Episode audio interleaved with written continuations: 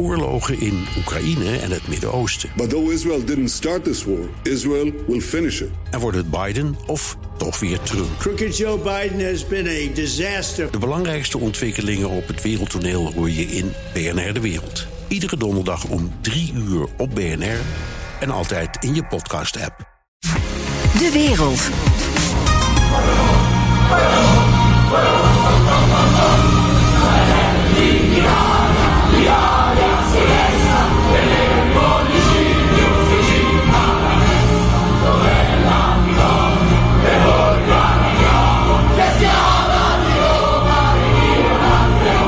Buongiorno, goedemorgen. Vandaag om drie uur vanmiddag dan is de aftrap van de Italiaanse presidentsverkiezing. Wie wordt de opvolger van Mattarella?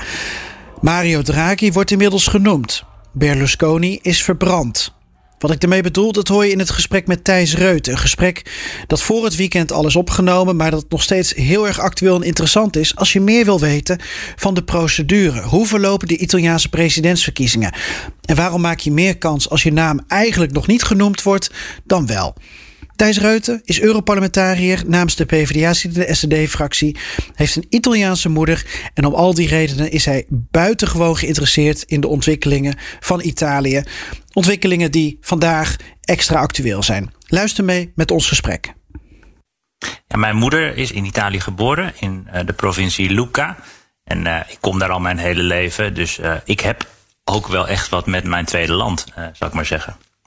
En nu wordt er dus een stembusgang georganiseerd binnen een parlement voor een president. Hoe gaat het eruit zien? Ja, het begint maandag allemaal. Uh, het kunnen meerdere rondes zijn. De verkiezingen uh, zijn inderdaad door de Senaat en door de Italiaanse Tweede Kamer. Plus een aantal regionale afgevaardigden, afgevaardigden, drie per regio.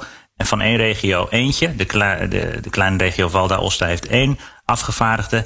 En vijf senatoren die voor het leven benoemd zijn, stemmen ook mee. In totaal maximaal 1009 uh, stemgerechtigden. Um, in de stemming werkt het zo dat je in de eerste, tweede en derde ronde alleen met een tweederde meerderheid van het totaal aantal stemgerechtigden um, gekozen kunt worden. In de vierde ronde gaat dat naar een uh, gewone meerderheid van de helft plus één. Maar het is dus in COVID-tijd weer een extra complicatie dat het kan zijn dat een flink aantal stemgerechtigden er niet is. Maar je moet wel de helft, of in de eerste drie rondes twee derde halen van het totaal aantal stemgerechtigden. Dus dat kan ook best lastig worden. En dat betekent ook dat er achter de schermen heel veel handjeklap is. Misschien nog wel meer nu door COVID. En, en dat er allerlei backup plannen en scenario's worden voorbereid? Ja, want het is dus heel moeilijk om uh, je eigenlijk al van voldoende stemmen te verzekeren in, uh, in de eerste ronde. Ik verwacht niet dat dat uh, gaat lukken deze keer. Dat een kandidaat in de eerste ronde al die vereiste stemmenaantallen haalt. Overigens zijn er ook verkiezingen geweest in het verleden die maar liefst 23 rondes hebben geduurd. Dus dan, dan ben je nog wel even, even bezig. Um, maar inderdaad, er wordt nu al natuurlijk volop gesproken achter, achter de schermen door coalities. Eén vaste regel in Italië is wel dat als je naam op dit moment, een paar dagen voordat het uh, circus begint, uh, genoemd wordt en al heel erg prominent uh, circuleert, misschien zelfs al officieel gezegd wordt dat je elk kandidaat bent, dan word je het eigenlijk nooit er wordt gezegd in Italië dat Berlusconi zich terug gaat trekken. Heb je dat nog meegekregen? Of, uh... Ja, maar dat, ik denk dat hij dat niet wordt. Dus dat, was, dat zou hè, uh, ik kan de luisteraars geruststellen, die gaat het niet worden. En dat lijkt me ook heel onverstandig en, uh, en slecht voor iedereen. je hoeft maar zijn Wikipedia te openen en dan zie je wat voor een track record de man heeft. Um, maar nee, die gaat het niet worden. Die, dat is dan zogenaamd een kandidaat om da bruciare, hè, om te verbranden. Um, en dat zou dus kunnen dat rechts op een gegeven moment zegt, nou ja, hè, uh, de, die, dat is, dat, is, dat is van tafel. Maar we hebben een misschien wel acceptabelere rechtsere kandidaat. Ja. Dat zou bijvoorbeeld Cassini kunnen zijn. Je geeft al aan, er zijn uh, meerdere rondes mogelijk. Uh, eerste ronde dat het daarin beslist wordt, dat lijkt uh, dus niet waarschijnlijk. Ja, afhankelijk van het aantal rondes hè, begint men natuurlijk op maandag. Hè, als het uh, vlot gaat, dan uh, kunnen er op één dag ook meerdere rondes uh, plaatsvinden, uiteraard. maar als het echt langer gaat duren, hè, dan nou, richting vier, vijf, zes stemrondes, dan, ja, dan worden het natuurlijk meerdere dagen. Dus dan kan het, dan kan het nog wel even duren. Maar in principe is de agenda vrijgemaakt, in ieder geval de hele maandag. om, om, dit, om dit te doen. Omdat ook al die kiesgerechtigden naar Rome moeten komen. Hè, die regionale afgevaardigden ook, maar ook de twee kamers moeten samen, samenkomen. Dus dat vereist ook wel een hele organisatie. Zeker ook weer in COVID-tijd. De bevoegdheden van een president in Italië. Wat mag hij of zij? Nou, hij heeft een aantal volledige bevoegdheden die echt aan uh, hem of haar zijn. Dat is onder andere het benoemen van vijf senatoren voor het leven. Hè, die vijf die ik al noemde, die ook uh, stemgerechtigd uh, zijn bij de presidentsverkiezingen. Um, die, die zijn dus voor het leven benoemd. Dat zijn meestal mensen met een lange staat van dienst. Die mag hij zelf benoemen, die vijf senatoren voor het leven. Um, vijf constitutionele rechters mag de president benoemen. De president kan gratie verlenen uh, op bepaalde straffen. Dan zijn er nog andere formele bevoegdheden die hij wel heeft of zij, maar die wel echt ook goedkeuring en inhoudelijk door de regering moeten worden voorbereid. Goedkeuring van de regering moeten hebben. En dan zijn er nog een hele serie ja, wat meer ceremoniële bevoegdheden die ook eigenlijk allemaal uh, afhankelijk zijn van uh, regeringsgoedkeuring. Het is wel zo in Italië dat de relatieve macht van een president toeneemt naarmate de regering of de regeringscoalitie eigenlijk, de parlementaire meerderheid, zwakker is. Dus daar zit niet, um, er zitten ook wel verschillen in, in hoeveel invloed een president heeft, of eigenlijk krijgt, zo je wilt, door de stabiliteit in, het, in het parlement. Dus niet zoveel macht als de Franse president, maar ook weer niet zo ceremonieel als de Duitse president. Nee, want in zo'n situatie van instabiliteit is de figuur van de president, kan de figuur van de president ineens vrij belangrijk zijn. Dat hebben we gezien bijvoorbeeld toen de uh, regering Monti is, uh, is aangetreden. He, dat is echt een uh, invloed van de president geweest. Die heeft gezegd, ja, er moet nu echt iets gebeuren. We gaan geen nieuwe verkiezingen houden.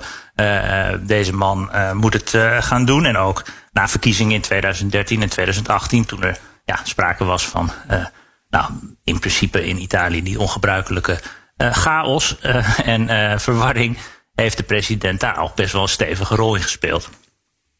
De Europese rol voor de president, is die er? De president heeft natuurlijk in die ceremonie bevoegdheden wel een rol. Hè. Ontmoeten ook andere staatshoofden. Hè. Maar als het gaat om de politiek, als het gaat om het onderhandelen op Europees niveau, dan is dat echt in de Italiaanse context. Dus anders dan de Franse context aan de regering, aan de premier. Dus in die zin is het meer een staatshoofd.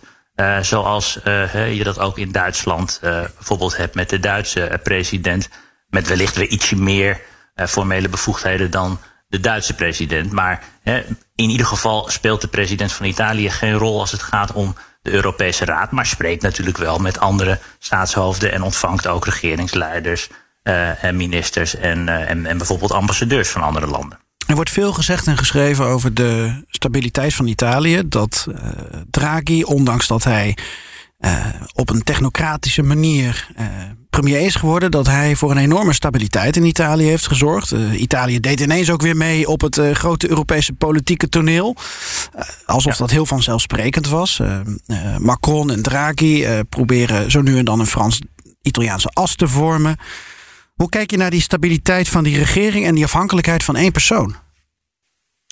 Ja, ik denk dat het in, in voor Europa en dus ook voor ons in Nederland heel belangrijk is hè, dat de regeringen van grote landen, zoals Italië, uh, dat die stabiel zijn. Dat je daar een beetje op kunt rekenen. En ook voor het evenwicht binnen Europa is het goed dat het niet alleen Frankrijk en Duitsland zijn die de toon zetten, maar dat je af en toe ook hè, die andere landen, en Nederland is ook, hè, zeker sinds het vertrek van het Verenigd Koninkrijk, een van de grotere landen, maar dat je daar gesprekspartners hebt waar je uh, van op aan kunt. Daarnaast is een stabiel Italië en een Italië wat nou, goed en ook met hervormingen werkt aan uh, herstel uh, na de coronacrisis, maar ook aan economische hervormingen. Uh, Zo'n stabiel Italië is ook goed voor Europa, want Italië is uiteindelijk ook nog steeds een hele grote economie en ook binnen de EU voor Nederland een heel belangrijke handelspartner. dat het afhankelijk is van één persoon, ja, dat is ook Italië. Hè? Ehm, dan kan ineens iemand um, op een plek terechtkomen waarvan iedereen zegt: ja, dat is goed, dat geeft stabiliteit, daar kan ik ook mee werken, waar iedereen ook eigenlijk vertrouwen in heeft. Ja, en dan kan ineens ook de sfeer in het land veranderen. Dat heb ik ook gezien. Dat hoor ik ook van vrienden die ik spreek. Die zeggen: ja, fantastisch dat Draghi er is, want eindelijk hè, doen we ook weer mee in de zin dat we gerespecteerd worden. Dat het ook, Italië is, is niet meer alleen maar het land waar voortdurend brandjes geblust moeten worden. Nee, we, we blazen ons, ons partijtje mee. Hoe kan het nou dat vlak voor die verkiezing het nog steeds onduidelijk is of Draghi president wil worden of niet?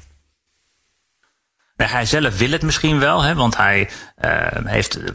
Hij, nogmaals, ik zei al, je, als je naam te vroeg genoemd wordt, dan word je het niet. Uh, hij heeft natuurlijk zelf zeker niet gezegd: uh, ik, ik, wil dat, ik wil dat doen. Maar het zou best kunnen dat hij dat zelf wil. Maar eigenlijk hebben heel veel partijen, en ik denk ook Italië, en ik denk ook Europa, er belang bij dat, hoewel het nog niet eens zo heel lang meer duurt dat er weer verkiezingen zijn in Italië, dat Draghi eigenlijk op zijn post blijft als regeringsleider. Omdat de verwachting is dat als hij zou vertrekken en president zou worden, wat op zichzelf uh, niet slecht zou zijn, omdat hij zo'n figuur is hè, die veel vertrouwen heeft en veel partijen kan, kan verbinden. Maar dan is de verwachting dat de Italiaanse regering vrijwel meteen weer in een uh, crisissituatie zal belanden. En een opvolger voor hem als regeringsleider um, is er nog niet 1, 2, 3. He, eentje die al die partijen die nu de regering samen vormen kan, kan verenigen. En dan kan bijvoorbeeld een Macron ook gelijk weer een aantal plannen in de prullenbak gooien of tijdelijk archiveren. Want hij weet wat hij aan Draghi heeft, maar niet aan een eventuele opvolger. Nou ja, en dat is ook weer dat Europese belang, die Europese invalshoek. Het Frans voorzitterschap heeft natuurlijk grote ambities. Dat is ook belangrijk voor Europa, omdat een groot land als Frankrijk met een ambitieuze president ook een aantal dingen weer een flinke duw kan geven in de goede richting. Daarna komt een Tsjechisch voorzitterschap met een nieuwe regering. Dus dit jaar wordt ook een jaar waarin misschien wel heel veel dingen uh, beter kunnen worden. Waarin we heel veel dingen die al lang op een oplossing wachten kunnen gaan oplossen. En ja, dan is het inderdaad onhandig als juist in dat jaar hè, uh, een groot deel van de energie, in Italië in ieder geval, uh, weer verloren zal gaan aan andere dingen dan nou ja, samen proberen oplossingen te zoeken. Mijn beeld van een presidentskandidaat in Italië is dat het een man is van minimaal 80 jaar en actief in de politiek geweest sinds de jaren 60, minister geweest ergens in de jaren 80 ten tijde van de Koude Oorlog en nu een laatste kunstje gaat vertonen. Ja. Als je kijkt naar de namen, de kandidaten die we serieus moeten nemen, zitten daar veel oude mannen bij? Nou, dan zitten die er uh, ook zeker weer tussen. Um, aan de andere kant hoor je ook steeds meer in Italië hè, uh, het geluid, dat hoor ik ook met die ik spreek. Die zeggen, ja, het zou nu in Italië toch ook wel eens tijd zijn hè, voor een vrouw op die plek. En of het nou een vrouw of een man wordt, alsjeblieft, nou niet iemand die die al bij aantreden hoogbejaard is, hè, eind 70, uh, begin 80. Um, hè, men, men, men heeft ook wel behoefte aan, uh, aan een iets andere uitstraling, een iets ander, uh, ander beeld. Maar die uh, oudere mannen met een lange staat van dienst, die zitten zeker nog tussen de namen die op het lijstje staan. Maar er, zitten ook, er worden ook namen genoemd van vrouwen, hè, die bijvoorbeeld. Marta Cartabia, rechter, nu minister van Justitie, zeer gerespecteerd. Is 58, uh, wordt door heel veel partijen serieus genomen. Um, maar er zijn ook andere vrouwen die genoemd worden. Er zijn ook wat jongere mannen die genoemd worden. Dus het is zeker niet allemaal hoogbejaarde mannen met een lange staat van dienst. Maar die zitten er ook zeker tussen, ja. En op wie moeten we letten? Nou, wat mij betreft is het inderdaad goed om op bijvoorbeeld die Marta Cartabia te letten als een mogelijke verrassende naam en niet misschien in de eerste stemronde of stemrondes, maar wel wat later. Ehm, ik denk dat toch ook een verrassende naam ehm, ehm, op het moment dat inderdaad Berlusconi het zeker niet zal redden. Daar kunnen we van uitgaan. Maar dan zou een naam als die van Cassini, Pierre Ferdinando Cassini, kunnen uh, kunnen opduiken. Die is misschien ook voor een deel van de rechtse coalitie uh, acceptabel. Uh, maar ook voor progressieve partijen heeft in ieder geval niet de ballast die een Berlusconi met zich meedraagt. Maar ook wat bekendere naam Giuliano Amato wordt, wordt genoemd, een oud premier. Voordeel voor hem is dat hij er wat langer uit is geweest. Dat is in principe goed, want dan heb je hè, minder recente politieke ballast uh, met je, draag je met je mee. Dat is dus weer in het nadeel van mensen die bijvoorbeeld nu een actieve politieke rol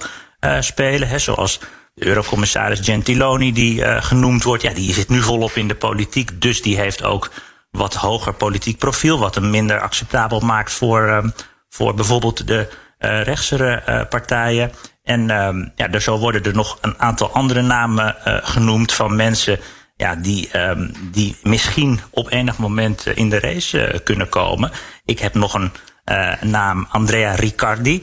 Die is 72, al wel weer wat ouder, maar zeer gerespecteerd historicus. En um, ook iemand die dus al heel lang niet in het echte politieke middelpunt staat. Is wel minister geweest in het kabinet Monti, maar dat is alweer lang geleden. En dat is ook zo iemand die misschien wel echt boven die partijen uit kan stijgen, maar ook die uh, verantwoordelijkheid uh, aan zou kunnen, omdat het een ja, gerespecteerd figuur is met, zonder ballast en schandalen op zijn, op zijn cv. Is dit een evenement, Thijs, om met popcorn en een biertje bij op de bank te gaan zitten en de livestream urenlang aan te zetten? Nou, ik denk dat uh, het op maandag wel leuk is om, uh, om uh, via media of via internet die eerste rondes te volgen. Omdat dan het geruchtencircuit ook rondom de politieke partijen verder op gang zal komen. Dan zullen misschien ook wel een aantal van die wat minder bekende namen, ehm, die uiteraard ook officieel absoluut geen kandidaat zijn, zullen ineens op, gaan, op gaan duiken. Maar ja, door die ontzettend toch wel uh, lastige uh, horde die je moet nemen van die uh, meerderheid van het aantal kiesgerechtigden, ook als er mensen afwezig zijn. Ja, denk ik dat het wel zeker een aantal rondes gaat duren. En dat er tussen die stemrondes in ook veel onderhandeld en gesproken zal moeten worden. En dat is precies de voedingsbodem waarin er ineens, dat is in allerlei van dit soort verkiezingen zo, een onverwachte naam naar voren kan komen. En wellicht zit een van de namen die wij ook genoemd hebben ertussen. Ja, je hebt heel wat genoemd. Tot slot, de Europese component. Want er, zijn, er is wel een aantal kandidaten, als we ook Draghi eronder scharen. Met enige Europese ervaring of achtergrond. Het zij bij de ECB, het, het zij in het Europees Parlement, zoals Berlusconi. Ja. Het zij als eurocommissaris, zoals Gentiloni. Zie jij nog een ja. uh, kandidaat met een, een Europees CV een goede kans maken? Ja, als, het, als het gaat om, uh, om, om vrouwen bijvoorbeeld, uh, wordt ook de naam door sommige mensen uh, van Rosie Bindi genoemd. 70, president van de anti-maffia-commissie geweest, ook oud-minister, Kamerlid, maar ook oud-Europarlementariër. Ehm, zeer gerespecteerde vrouw, ook heel goed, maar ook best heel uitgesproken. Wel het voordeel dat ze al wat langer nu uit de actieve politiek is. Dus dat zou haar weer misschien acceptabeler maken voor uh, voor rechts. Maar heeft een wel echt wat uitgesproken pro progressief uh, profiel. Maar dat is iemand met een Europese component. Ik noemde al de commissaris Gentiloni. ja, daarvan vind ik het ook weer een nadeel dat je dan weer een volgend probleem creëert. Want dan moet er weer een nieuwe eurocommissaris komen. Terwijl Gentiloni toch eigenlijk ook voor Italië, maar ook voor Europa ehm, het heel goed doet in, in de commissie. Um, hè, maar dat is iemand met een Europees profiel. En ja, natuurlijk duikt ook de naam van uh, uh, Romano Prodi uh, weer op. Wat mij betreft is dat iemand die ja, nu echt te oud is en het ook in 2013 niet gehaald heeft. Hè. Toen, toen is hij eigenlijk afgeserveerd als presidentskandidaat. Dus dat lijkt me onwaarschijnlijk.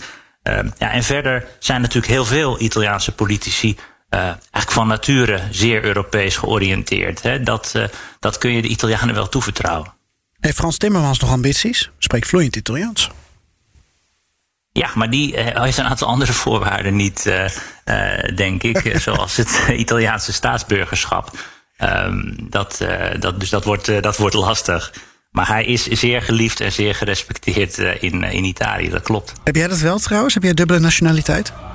Ik heb dubbele nationaliteit, ja. Oké, maar je bent nog geen 70 plus, dus het duurt nog even. Daarom ik heb nog heel veel andere dingen te doen. En ik doe, uh, vind het nu uh, een grote eer om te doen wat ik nu mag doen. En tot zover mijn interview met Thijs Reut, Europarlementariër namens de PvdA in de SND-fractie. Je hoorde een kortere bijdrage hiervan in BNR De Wereld als de Europa-update. En dit is dus de langere, completere versie. Volg ons via de BNR Europa podcast feed voor meer verhalen over Europa. Italië blijven we ook zeker volgen en daar komen we spoedig weer op terug.